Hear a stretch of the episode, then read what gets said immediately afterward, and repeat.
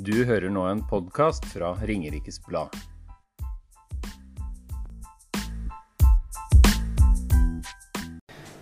Og nå skal vi ønske velkommen to særdeles engasjerte herremenn.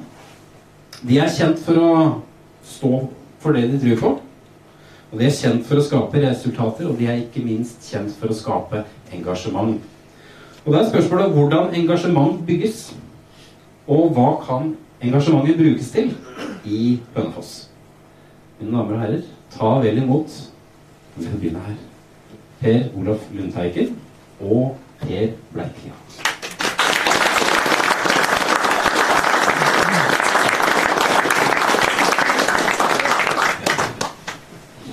Det første vi må ha, Per, det er en halvliter.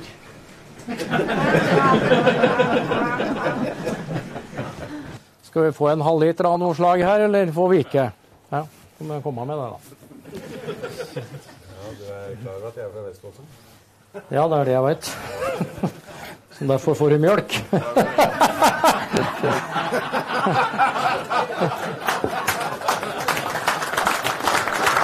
Kaffe. Og jeg er fra Hønefoss, så jeg drikker kaffe. Det passer veldig bra. for Veit du hva som skjer i Vestfossen i 1804? At du fikk mjølk. Nei. Det er en av årsakene til at jeg drikker mer mjølk nå enn før. Og det var eh, siste gang Hans Nissen Hauge ble arrestert. Det var i, i Vestfossen i 1804. Da ble han putta i varetekt og satt der i ti år. Og veit du hvorfor han ble så farlig, så at du måtte putte han i varetekt? Jeg tror han overbeviste flere enn de som kunne lese, i hvert fall. Ja, han, eh, han ga ut eh, over 200 000 bøker og skrifter. Han drev jo på bare i åtte år. Han hadde ikke sykkel, han bare, bare gikk eller kjørte båt. Fikk jo en fantastisk eh, oppslutning og blei etter hvert eh, farlig for mange. Og det som var poenget, da, det var at han hadde et budskap som gikk ut på at også prester skal være ærlige. Og det har jeg prøvd å ta med meg inn på Stortinget. Også stortingspolitikere skal være ærlige. Skål. Skål. Ja, Første gangen Per Olaf Lundteigen og jeg begynte å diskutere, så sa han 'Har du mjølk?' sa. Ja, jeg har mjølk. Og så skulle du ha brunost i tillegg, og så hadde du blitt stanga oksen et par før. Ja, det skal ha litt flaks. Men det er ikke så mange som veit, og dette kjenner jeg er ordentlig melk. Dette er naturlig. Og det er ikke alle som veit hvorfor det er så viktig å drikke helmelk. Er det noen som er klar over det? Jo, altså når du blir utsatt for ganske tøffe, eh, tøffe ting psykisk, så er det veldig ofte at du får trøbbel med magen. Du får, eh, kan lett få magekatarr, eller du kan få enda verre magesår. Og det er gammel kunnskap om at hvis du drikker eh, helmelk, som er feitere enn lettmelk, så legger da den, den fettet seg på tarmtottene, og som gjør at det blir ikke den eh, friksjon og den eh, irritasjonsmulighetene som ellers. Så jeg var jo veldig stolt når til og med Jonas Gahr Støre tok fram det i forbindelse med Hareide, når han skulle inn i tøffe diskusjoner, at eh, ta deg et par glass helmelk før du setter i gang. Da tror jeg jeg tar bedre om en, ja. Ok, da er vi i gang. Per Olaf, det første vi skulle snakke om, det var sentraliseringstrangen i samfunnet. Det var liksom det første vi var bedt om. Og der er jeg eh, Der er jeg eh, Altså Før, da jeg var guttunge, så var jeg ikke så stolt av at det sto F på bilen eller JU. Nå kjøper jeg ikke en bil uten at det står Jevnaker utkant på bilen. Og det som eh, er greia, det er at eh, her sånn så sitter det næringslivsfolk og her, både her og der. Som, og jeg har tenkt mye på det. Hvis det ikke hadde vært for at vi hadde noen lokalpatrioter, så er det ingen som hadde investert ei krone her. For eh, sånn som det går nå, så er det inn og demontere deler av dette samfunnet. Og mine skattepenger er like mye verdt som skattepengene til folk som bor i Drammen eller Oslo. Og jeg vil ha igjen noe for disse pengene mine. Når jeg begynte i politiet, så var det lensmannskontor på Geilo, det var lensmannskontor på Ål, det var et på Gol, det var et i Hemsedal, det var et i Nesbyen, det var et på Krødsherra, og så var det Hønefoss, og nå er Hønefoss blitt et lensmannskontor. Kan dette være riktig? Hvem er det som klarer å finne på noe så utrolig dumt inn på dette Stortinget? Ja, det kan du si. Altså, jeg har lært det at uh, de som driver eh, egen næringsvirksomhet og gjør det bra, det er eh, folk som eh, er ærlige. Det er folk som eh, tenker langsiktig. Og det er folk som tenker en helhet, og det er folk som deler fortjenesten mellom de forskjellige som er med, enten det er en, en snekker, eller det er en advokat, eller, eller hvem som er med her. sånn. Og det dessverre som har blitt nå innpå inn på Stortinget, er at eh, det er eh, ganske få som har, eh, har, har yrkeserfaring uh, sjøl. Sånn at teorienes tid føler jeg har, har bedre grobunn enn enn det det har vært, vært før. Og eh, legger ganske merke til da at i forbindelse med kommunesammenslåinger og andre ting, så er det jo veldig mange flinke bedriftsledere som, som skjønner dette her umiddelbart. Og forstår da at det er jo et samspill mellom den virksomheten jeg driver med, det som andre næringsdrivende driver, og det som er fellesskapets, enten det er Nav-kontoret, eller det er, er lensmann, eller det er, eller det er eh, hjemmesykepleien, eller hva det er. Det er den helheten som, som skal fungere. Og, og i forbindelse med når diskusjonen om kommunesammenslåinger drev på som, som verst, så fikk vi mange positive oppmuntringer fra næringsdrivende som forsto denne helheten og forsto at ens egen virksomhet ville tape dersom den ikke hadde det, det fellesskapet. Men, men, hvorfor det blir sånn, det, det, har jeg lurt veldig mye på. For uh, etter hvert som en blir eldre, så ser en jo ting annerledes. Og jeg har lurt på da om, om det er det at jeg ser det annerledes som er saken, eller om det har blitt annerledes. Og det har ikke jeg noe, egentlig noe veldig godt svar på, men i dag er det ikke helt på stell. Men hvis du Det er jo noe som ikke har forandra seg, da. Altså hvis du var drita full for 30 år siden og begynte å slå, slå ned noen, ja, så er det ikke noe forskjell på det den gangen og nå. Det er bare Den store forskjellen er at politiet kan ikke ta deg med, for de har ikke noe arrest lenger her på Ringerike. Den skal kjøres til Drammen. Og da skal du altså kjøre først ned til Sandvika. Så skal du kjøre derfra også ned til Drammen. Da betyr det at det er ikke noe politi igjen her, ganske enkelt.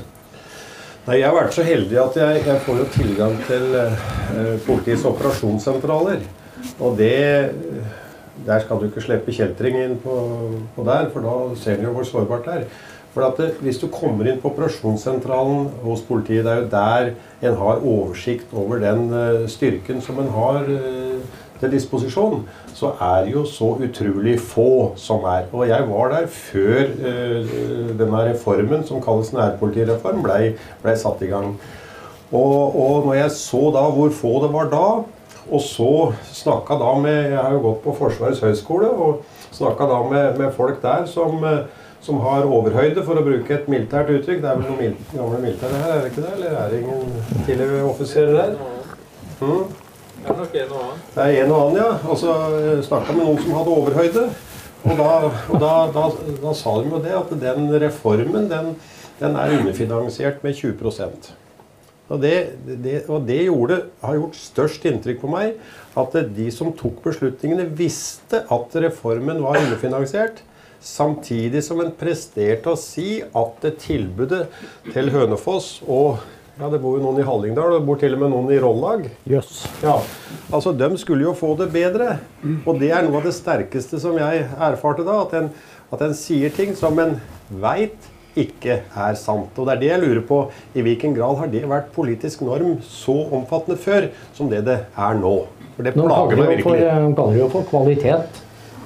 Eh, men eh, det er kvalitet sikkert der hvor de har fått alle ressursene, men det blir eh, relativt mye dårligere her. Jeg tror politistasjonen er stengt klokka fem. Ja, ja og det, det, det, det, skjer her. Og, og, og, og dere så vel ikke helt for dere at, at Hønefoss skulle bli ramma? Nei, Vi syns vi bor i en by, vi. Ja, og det er jo litt av det samme som er situasjonen på Kongsberg. At en så ikke for seg at Kongsberg blir ramma. Men altså når at det ikke er noe særlig igjen i Numedal, så er jo Kongsberg det neste. Så er jo Hønefoss det neste. Og det er det som, det er det som skjer. Og, og at, eh, at, en, at en kan altså greie å få få gjennomført noe som er så åpenbart motsetning mellom hva en sier det skal bli, og hva det, hva det blir. Det er for meg et veldig tankekors, og det er derfor jeg er veldig glad for sånne anledninger som det her. At en kan i hvert fall diskutere og, og, få en større bevissthet rundt det. Og at det, kanskje det skal bli vanskeligere å gjøre sånne ting på flere områder rundt omkring. For dette her er virkelig et, et etisk problem for meg, altså.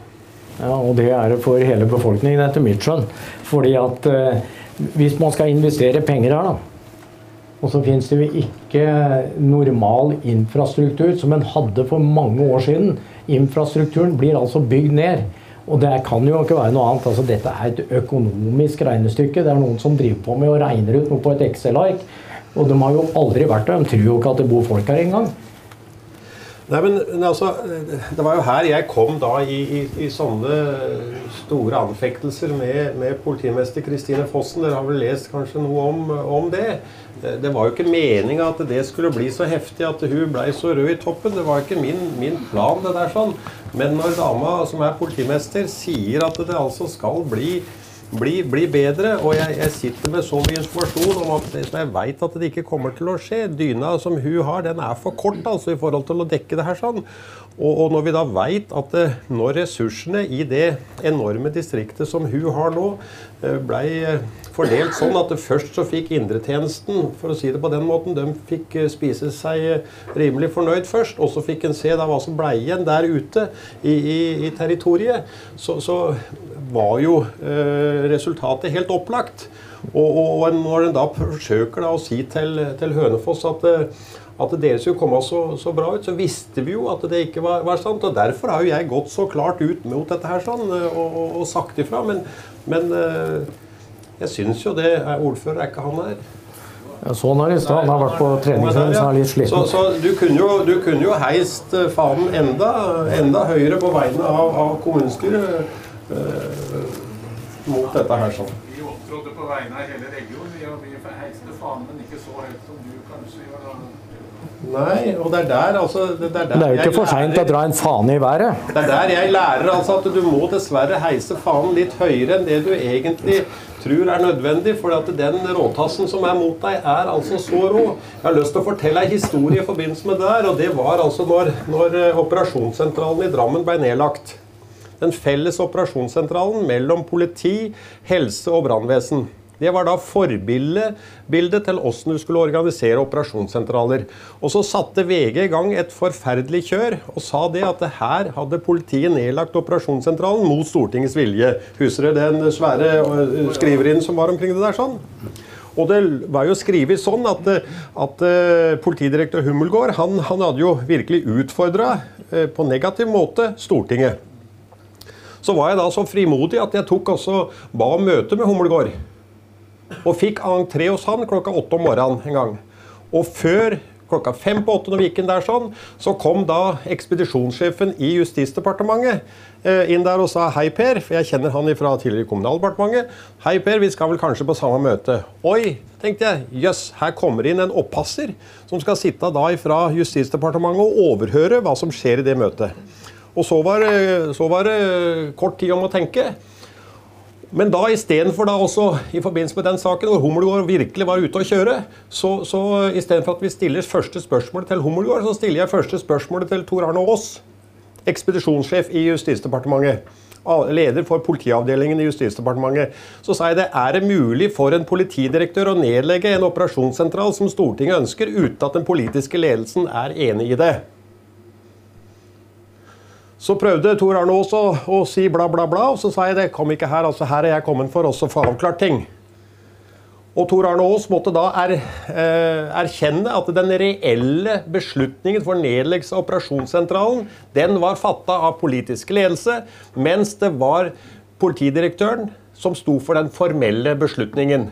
Og så etterpå så var hele da fortellinga at det var politidirektøren som gjorde det. Og det var ikke sant. Det var politisk ledelse som gjorde det.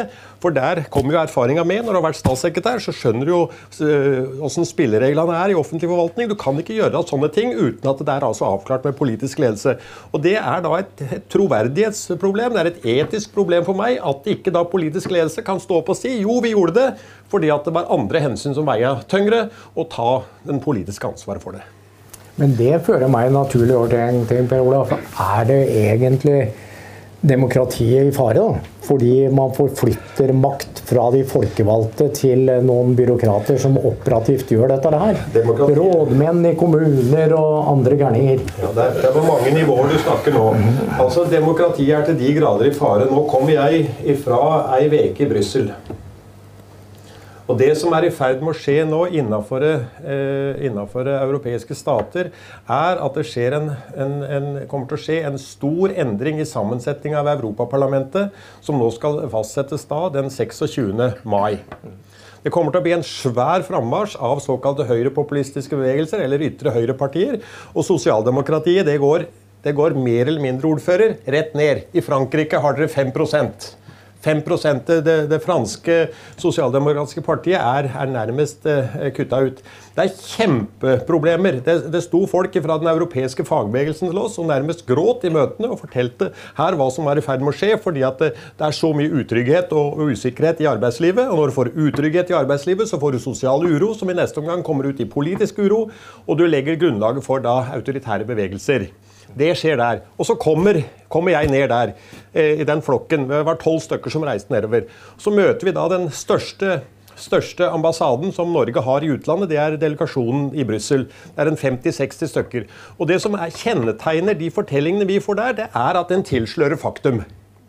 Jeg blir så forbanna over at en skal tilsløre faktum, en skal ikke fortelle hva som er de faglige sammenhengene, så at det kan etablere oss en felles virkelighetsforståelse om hva er det vi som folkevalgte da har av handlingsalternativer ut av den situasjonen. Dette er et kjempeproblem. På kommunenivå så har vi et kjempeproblem ved at det er altfor alt for liten status, altfor liten respekt for det å sitte i kommunestyret. Det er altfor lite skolering av de som er, er kommunestyrerepresentanter. Og det fører naturlig nok til at administrasjonen må jo da ta ansvar, eller tar ansvar, eller tar, tar makta. Og de folkevalgte er, er, er, er for altfor beskjedne. Så det er et kjempeproblem at det, at det er for liten vitalitet og det er for liten ærlighet og fortelling om hvordan det er sammenheng. Jeg har så mange tilfeller jeg kunne tatt om det. Jeg håper vi kommer innom grønt skifte, så skal jeg, skal jeg fortelle hva jeg mener med det. Ja, vi kan være helt sikre på at vi kommer dit. Og på Ringerike har jo det lykkes. Så da, da, går vi videre for eh, fullt framsprang her. Altså, det som jeg tenker på, Per Olaf, hvordan skal vi få lokalpolitikken til å bli mer vital, sånn at det ikke er administrasjoner som bestemmer hvordan utviklingen der skal være? Ja, det er jammen et stort spørsmål. Altså, var det ikke en pressemann som starta dette her eh, når vi kom her nå? Eh, det å ha en, en lokalpresse som, eh, som, er tett på de folkevalgte, som, som kan sine ting, som, som, stiller virkelig kritiske spørsmål til, til hva en gjør for noe jeg som stortingsrepresentant jeg syns jo at vi får altfor lite kritiske spørsmål. Blir altfor lite fulgt etter i somrene. Det er i hvert fall en del av det hele. Og så, og så er det jo da eh, i all eh, Tidligere så hadde du jo frilynte ungdomsforeninger med debattforum og greier som, som hadde som formål å, å, å, utvikle det myndige mennesket. Det myndige mennesket som tenker sjøl og som tar ansvar. Jeg er så opptatt av det også, å utvikle det myndige mennesket som tenker sjøl og tar ansvar, og tar ansvar da utover seg sjøl. Eh, så har du selvsagt behovet for å ha en administrasjon som, som, eh, hva skal si, som kan legge fram saken på pro et contra, saklig og objektivt. Sånn at det ikke er noen tilsløringer, ikke noen bakenforliggende hensikter og, og, og, sånne ting. Men til sjuende og sist så kommer du inn på det at du trenger, du trenger eh, noe skikkelig kvinnfolk. Og noe skikkelig mannfolk. Som, som, altså sitter i ledelsen av en kommune, som, som tør også ta de nødvendige beslutninger for å drive det videre. For at en kommune er akkurat som en plante. Den endrer seg hver dag. Den endrer seg hver dag, og du må ta stilling til hvordan den planta skal endre seg. Hvordan du skal dyrke den planta, hvordan du skal dyrke Ringerike, hvordan du skal dyrke, dyrke Hønefoss inn i framtida. Altså da, nå har vi jo vært helt ute i Europarådet, og nå er vi tilbake til Hønefoss. Ja. Og det jeg Jeg tenkte å vise litt at jeg ikke bare er i Vestfoss. Nei, jeg veit det. Skal du ha mer mjølk? Nei, jeg, la oss eh, Nei, En kopp kaffe kunne vært Ja, kaffe må man ha. Men det vi Hvis du får tre ting på Stortinget, det er skikkelig med helmelk. Så, så holder du magen i orden, og så får du kaffe, så holder du våken. Og så er det sukker. Sukkerbeter, det må jeg ha. Brunt sukker for å holde hjernen i orden. ja, Men det stemmer vel bra, det. Men det har jeg lagt merke til før. Så eh, når det er sagt, eh, Per Olaf. Hønefoss. Ja. Hønefoss er eh, en by som er å regne med. Det er et eh, solid landbruksdistrikt. Det er en solid industriby. Eh, I gamle dager så var det også et utstillingslokal da jeg var politi. Da kom folk fra Bærum for å sitte bortpå her og se på slagsmåla på fredagen. Så eh, vi har jo i grunnen alltid ligget på toppen eh, i alt. Men nå ser det faktisk ut som vi i øyeblikket så demonterer om dette grad for grad. De henter ut helsetilbud, de henter ut justisvesen. De henter ut alt på en ganske smart måte. Hva skal vi gjøre nå? Denne byen her er i utvikling. Han Ola har jo bygd ei, eh, ei flystripe flottere enn Gardermoen. eh, Som politikere ikke veit å ta tak i. Det er jo så vidt lokalpressen klarer å ta bilde av den, til og med. Så vi må jo faktisk klare å komme oss videre og vise fram det som foregår her. Og det som er at vi må tiltrekke oss investeringskrefter, skape, eh, utvikle verdiskapning, være stolte av det vi er, og begynne å lage en by som folk vil bo i. Det er jo ikke noe vits i med svære skoler og tilbake til Robek sikkert om en stund, og, og masse investeringer her og der, hvis ikke folk vil bo her. Jeg tror ikke det at uh... Vi har fått 149 innbyggere, eller noe sånt, og de fleste er flytta fra Sokna og ned hit. Ja, Ringerike er svært, altså. Det er ikke mange kommuner uh, vi har i Senterpartiet hvor vi må kjøre en time med bil for å komme på årsmøte. Så det er svært. Og det er kanskje noe av utfordringa. At det er, det er mange, mange samfunn. Uh, altså i, Den største styrken i Vestfossen, vet du hva det er? Nei. Nei, det er idrettslaget. Det er patriotismen. Virkelig den patriotismen. Altså, vi er underdog og, og har greid da også komme gjennom de her kritiske periodene ved at en har en sånn fandenivoldsk innstilling. At dette skal vi være med sammen og så, og så få til. Så patriotismen som ikke tråkker på andre, det er for meg en, noe positivt. Så, så jeg kjenner ikke Ringerike og Hønefoss godt nok til å si åssen det er, eh, er utvikla, men det er i hvert fall én del. Og så mener jeg at dere har jo en fordel i at dere har jo en, en historisk en produksjonskultur. Og det er noe jeg har lyst til å si, altså. Eh, For det, det er jo ikke spørsmål om om det kommer ei finanskrise. Men det er spørsmål om når den kommer, og hvor tøff den blir.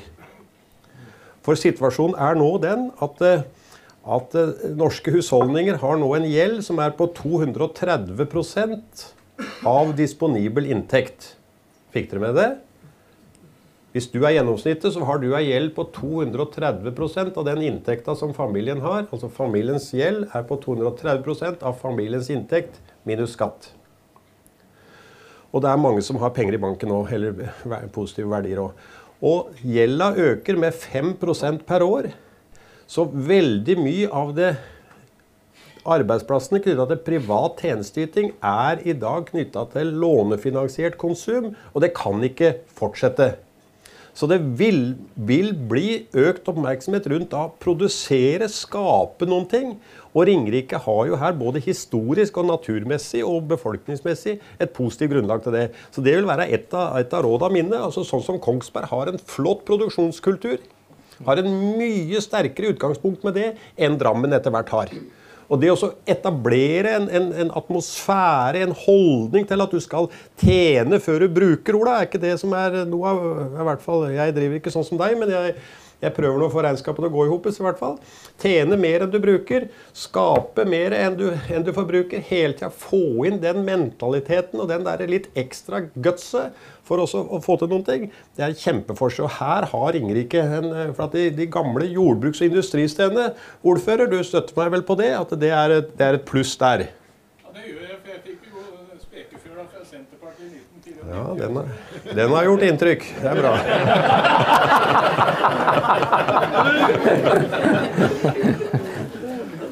Nei, men det er jo en eh, dramatisk eh, utvikling som vi er nødt til å møte. Og så er det spørsmålet om klarer vi det, og det skal vi klare.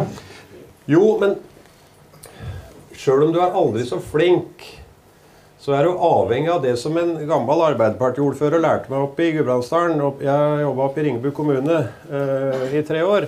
Han heter Birger Sæther. Han sa at du, måtte, du må føle at du har samfunnsbevågenhet, sa han. Samfunnsbevågenhet. Altså det er den som står på og gjør så godt den kan, må føle det at han blir verdsatt. Og at, det, at det er noe vits i, og at det er, det er positivt det du, det du står for. Så at det, vi på Stortinget må jo legge til rette for at det næringslivet som har sine fortrinn da, og sine muligheter på Ringerike, kan ha god lønnsomhet. Og det er jo for meg, da, som, som er tilhenger av eh, at eh, meitemarken skal ha en større, større status, altså det som går på økologi og samspill i naturen, altså det er for meg et stort tankekors at, eh, at eh, det som da går på de enorme jord- og skauressursene i, i Ringerike, at ikke det greier å få mer, få mer ut av det. Det ligger et kjempepotensial der, sånn, men det krever jo da en nasjonal politikk som legger til rette, rette for det. På samme måten som er lagt til rette for, for olje og gass eller for andre sektorer. Ja, eller sånn som det er lagt til rette for bitcoin og sånne blokkjeder Ja. og sånt nå. Hvor man liksom tar ned hele kraftkostnaden. Burde ikke han Ola få like lav kraftpris, da? Jo, jeg skjønner ikke det, altså. Jeg Det skjønner ikke jeg ikke hvorfor at det der bitcoin skal ha de, den, den unntaket på 16 øre, eller mye det er for noe, på den, den avgiftene på, på, som kommer Vi hadde et foredrag her på den tenketanken om det, og da var det en som holdt et foredrag om eh, blokkjeder, og jeg ble dobbelt så forvirra som da jeg kom inn døra. Så det ga ikke noe imponerende resultat, i hvert fall. Men, Men altså, jeg mener jo det at, at, at, at Hønefoss og Ringerike, Jøss navn og rike, dere er jo, dere er jo et uh, solid uh, historisk sted med de svære tradisjonene, de naturressursmulighetene, alle de godt utdanna menneskene og, og, og den produksjonskulturen. Så, så dere, har jo, dere har jo et mye bedre utgangspunkt enn mange, mange av de områdene hvor eh, hvor Senterpartiet nå har 40% Vi har jo gjerne 40 der hvor det er dårligere muligheter. Ja, men vi må jo skaffe oss eh, noen flere prosent her òg, da. Sånn at, eh, Ja, ja. da. Men du vet, det, Per-Ola, for å være helt ærlig med deg. Hvis jeg ser på åssen dette her utvikler seg, så er det sånn at eh, vi får liksom lite grann. Så, så blir vi kjempestolte. Jeg ser det er representanter her fra universitetet. Det er vi kjempestolte av. Men, eh, og jeg er kjempestolt av de studentene og alt det der, men vi har liksom hele tida bare blitt eh, Vi får litt grann av det, så får vi litt sykehus, og så får vi litt politi, og så vi får litt av alt istedenfor at vi får noe skikkelig av noe. Og det mener jeg vi skal ikke lenger finne oss i det. For jeg tror vi er så underernærte at det vi har fått, det er altfor lite. For dette er en flott befolkning. Og vi må eh, skape mye mer engasjement. Vi er mye stoltere av denne byen. Og vi må stå på, og vi må nekte mye mer. Og vi må bli mye tøffere mot eh, sentrale politikere. Og Du kan jo ta sykehuset. Hva var det som var situasjonen for Ringerike sykehus? Jo, det var jo det at det var gjort et vedtak i Var det Helse Sør. Sør den gangen? Ja, sør først. Sør den gangen, som gikk ut på at innafor det som nå er Vestre Viken, så skulle du ha ett Samle akuttvirksomheten til ett sted. Og da igjen så var det jo en rekke besvergelser og fornektelser om at dette her ville være negativt for Ringerike sykehus. Og det hadde jo blitt lagt ut på en ferd som ligner den ferden som Kongsberg sykehus har lagt ut på. Dersom det ikke var noen myndige mennesker på et møte som var på høyskolen, var ikke det den gangen? Jeg glemmer det i hvert fall ikke. Det var 300-400 stykker i salen. Og det var ei eldre, myndig dame som gikk opp med stokk, og som fortalte ganske greit hva som var Ringerikes mening om saken. Og etter det møtet, hvor ingen av eiernes representanter stilte opp, stilte opp så kom det inn stedlig ledelse, som jo sjølsagt er en forutsetning for at du skal drive en så stor institusjon. Men her var en altså villig til å kjøre et sånt løp. Men det, det kom opp noen lokalt som, som, satte skapet på plass. Og det var jeg husker ikke om det var 300 eller 400 000 husfru, det, nei, 300-400 mennesker som var på det møtet. Det var i hvert fall helt fullt. Hun var styreleder i Ja, og navnet var- Venneforeningen. Og navnet var Jonsrud var hos deg, jo. Det var Astrid. Jonsrud, ja. Og det gjorde en forskjell der sånn. Så har vi da, så har vi da høyskolen. Og dette har ikke jeg sagt før. Hvem var det som var fra høyskolen her? Er gutta der borte. Gutta der borte, ja. ja. Altså, når vi i sin tid fikk distriktshøyskolene, så var det for å komplettere da universiteter og fagskoler, og det skulle da utvikle da dyktige folk på ulike fag, fagområder. Nå har vi fått ei sjuke i Norge som går ut på at distriktshøyskolene det skal være universiteter. Og der skal han drive forskning, og der skal det være doktorgradsstipendiater og det ene med det andre. Jeg mener at Norge er ikke større land enn at vi kan ikke ha for mange universiteter. Vi må kraftsamle ressursene på færre områder på det her sånn. Og så trenger vi til de grader høyskoler som kan utdanne dyktige lærere, dyktige sykepleiere, dyktige fagfolk på område etter område. Og det er altså det som er høyskolenes eh, oppgave, men det er, det er altså blitt, eh, blitt lagt til side. Og, og, og det er forferdelig at denne utviklinga har gått uten at det har vært en offentlig, skikkelig debatt omkring det. Men nå skal vi snart ta en liten pause, men jeg kan si at jeg er jo litt optimist. For jeg var og holdt et foredrag i Telemark, og da fortalte de at de var på drukningstoppen. De brukte mest piller. De eh, var i det hele tatt eh, verst i alt. Og da er vi bare nummer 57. Så nå tar vi en kort pause.